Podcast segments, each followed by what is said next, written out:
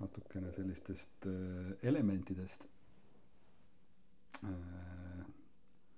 maa, õhk, tuli, vesi ja siis on veel miskit. et ma tunnen, et see teema tahab praegu siit välja tulla. et kuidas see siis meiega nagu seotud on või, et kuidas me sinna keskele siis nagu jõuaksime. sest mina saan aru, et keskel on äh, keskel on meie tegelik olemus. et kui me oleme lõplikult tasakaalus. nii, alustame siis maast, kõige, kõige nii-öelda alusest siis. et maa on minu jaoks siis äh, nagu suhe emaga. ja kõige jämedam osa inimesest. ehk siis keha ja nagu selline mateeria üldse. nii ja nüüd, kui näiteks noh, oletame, et,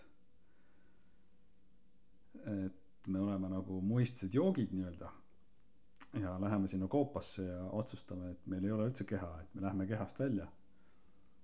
siis sellisel juhul me igno-, ignoreerime nii-öelda seda oma ema või maa elementi. arvame, et ta on vale, et kõik see, mis on üleval nii-öelda, taevas, et see on nagu õige. et selliseid asju on tegelikult väga ammusest ajast harrastatud. et keha peetud justkui mingiks äh, millekski, mis on nagu vastik. kui võtame näiteks äh, kloostreidki, et mismoodi läbi kannatuse käib sinna jumala poole jõudmine. et surutakse justkui alla sellist äh, igasugust nagu iha ja kõike seda nagu, mis puudutab keha ja üldse nagu füüsilises maailmas eksisteerimist. ja tegelikkuses muistsed egiptlased ju, kui vaadata, mismoodi nad neid nii-öelda muumiaid tegid, siis tegelikult nad võtsid ju sisikonna välja. ja sisikond on just see, et kus need energiad justkui on, noh minu jaoks ja see tähendabki siis seda, et, et seda peeti üleliigseks, millekski, mis on ebavajalik. et ainult taevariiki on vaja jõuda. nii, ja teine ja siis ütleme, et selle vastand, ema vastand on siis isa. see on siis see, kuhu kõik pürgivad, isa, kes sa oled taevas mm see on siis see osa, mis on meist justkui kõige peenem. ja noh, kuidas ma ütlen siis, et see, ma tunnen, et see on tugevalt ülekoormatud nagu. et me oleme tahtnud siis sinna jõuda kogu aeg isa juurde. ja unustanudki selle maanduse nagu ära ja isa pool on siis see, kõik see nii-öelda äh, vaimsus nagu on teatud mõttes nagu, nagu isa siis. aga see vaimsus vajab tasakaalu või sellist nagu maandust ema näol. et kui meil elus on näiteks kõik ainult materiaalne, et näiteks kui ma jään justkui haigeks nagu ja ma usun täiesti siiralt, et, et kõik see, mida ma siin füüsilises kehas nagu näen praegu, oma viite sõrme ja, et see on ainus asi, mis siin eksisteerib. siis on tegelikkuses nagu vastupidine olukord. et ma ignoreerin oma isa nagu või sellist oma kõige peenemat osist. nii-öelda siis pead.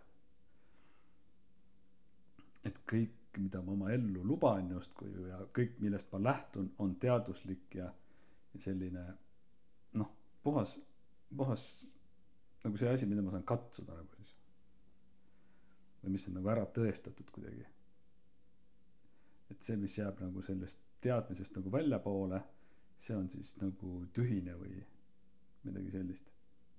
ja noh, sellele teine äärmus on muidugi see, et äh, et peetakse siis füüsilist osa tühiseks.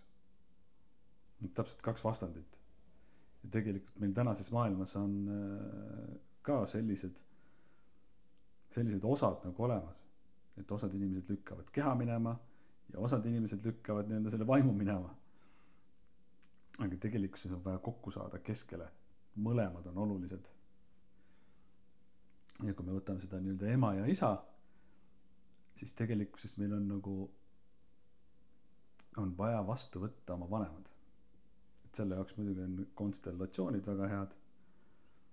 Aga noh neid kihte muidugi on nii palju et osa neist eh, noh võib-olla taipamise kaudu ka laheneb ära nagu.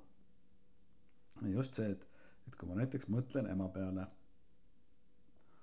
siis tekivad mingid etteheited näiteks et et kui ema näiteks räägib midagi et mis mulle seal ei meeldi et ma ei peagi talle seda välja ütlema aga mida ma tunnen nagu kuidagi vastumeelselt või? Sest meid on õpetatud et et me ei tohi ennast nagu väljendada lastena näiteks.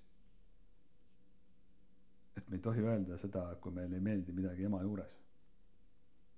Nii et sellised kohad kui me võtame vastu selliselt me võtame vastu siis oma seda füüsilist eksistentsi kõige jämedamat osa. Ja täpselt vastupidi isaga. Et et kuidas me suhtume isasse. Et kui seal on mingid etteheited et siis tegelikult meil on etteheited siis sellele kõige peenemale osale ja me ei võta vastu seda. Nii ja tegelikult sellises olukorras noh näiteks kui me olemegi kuskil vaimsel teel nagu siis võibki tekkida see olukord et meil ei olegi vanematega justkui midagi rääkida sest et äh, meie tee on nagu hoopis teine. Ja siis võib juhtuda see et et me nagu hakkame neid hukka mõistma. Et kui me oleme väiksed oleme teistsugused siis justkui vanemad kasvatavad meid ja mõistavad hukka selle mina kes ma siis tol hetkel nagu väiksena nagu olen. Aga nüüd täiskasvanuna kui ma näen et justkui nemad ei käi seda rada mis mina käin hakkan mina hukka mõistma. Ja seda ma ei märka et ma tegelikult teen ju sellises olukorras täpselt samamoodi nagu mu vanemad tegid. Ja see mulle ei meeldinud. Aga täna kui ma lähen justkui vanemaid õpetama siis ma nüüd arvan et see nagu peaks neile meeldima või? Sest tegelikult elavad nemad oma elu. Ja siin ongi see variant et võtta vastu iseennast ja üritadagi lubada seda et nemad on nagu nemad on. Sest eh, tegelikult mida kaugemale me läheme oma puhastamistega seda vähem tegelikult ongi sellist asja et keegi üldse mõistab meid ja ainus mis siin teha saab on see et ma luban. Et saangi aru et mind ei mõisteta ja ei saagi mõista. Sest ma olen lihtsalt nii teistsugune juba. Aga ma võtan vastu selle et ma olen ise teistsugune ja teist teised inimesed on minust erinevad. Sest ma arvan et kui me võtame näiteks Jeesuse siis kui paljud inimesed tegelikult aru said temast? Ma arvan et väga vähesed et kui ta oleks võtnud hinge seda mida temast arvatakse või et et kui paljud temast aru saavad noh ma arvan et siis ta ei oleks väga kaugele jõudnud. Et äh, et jah no tegelikult see Jeesus ristil ju tegelikult kujutab seda et et kus kohas see süda tegelikult on. Ta ongi seal keskel. Et ma ei oma seisukohta oma vanemate suhtes nii ja kui me võtame nüüd siis et et ülemine on siis taevas alumine on maa. Nii ehk siis mateeria ja selline noh peenem osis. Siis vasak ja parem on samamoodi. Minu jaoks siis vasak on justkui siis nagu naine ja parem on nagu mees. Ehk siis nagu vasak on siis vesi ja parem on tuli.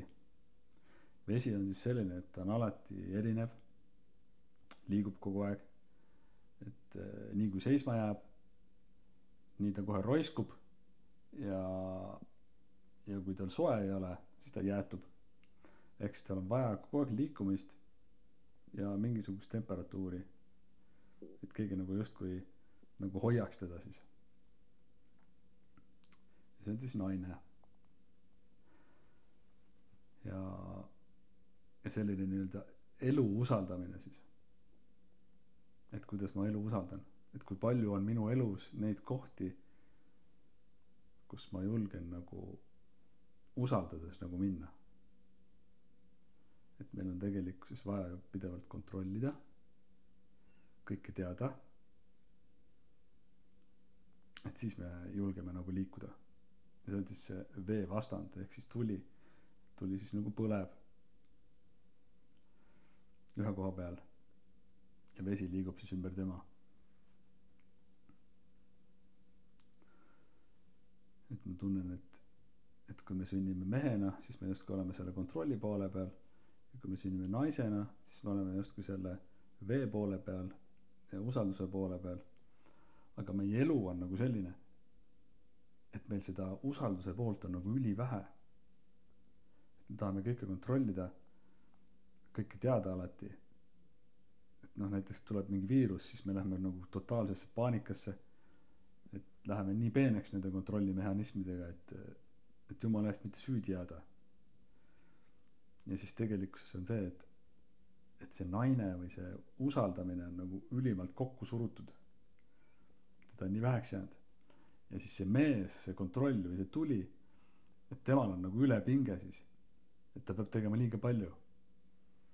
Ja siis me sellega lükkame oma elust siis sellise turvatunde või või sellise elu usaldamise täitsa välja. Aga see kontrolli osa läheb iga päevaga aina hullemaks ja suuremaks. Et mida rohkem me justkui kontrollime seda rohkem on meil vaja kontrollida. Tegelikkuses siin polegi nagu muud midagi teha kui seda kontrolli osa tõmmata tagasi.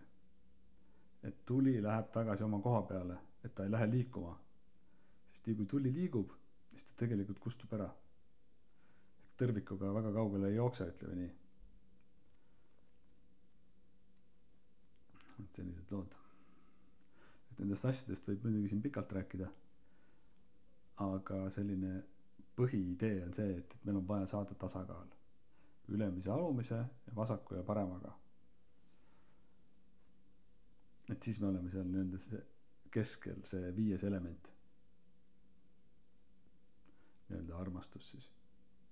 Et mul ei ole vaenlaseid mitte kuskil. Ma luban kõigel. Ja ja elangi nagu rahus. Et sellised lood tulid siit praegu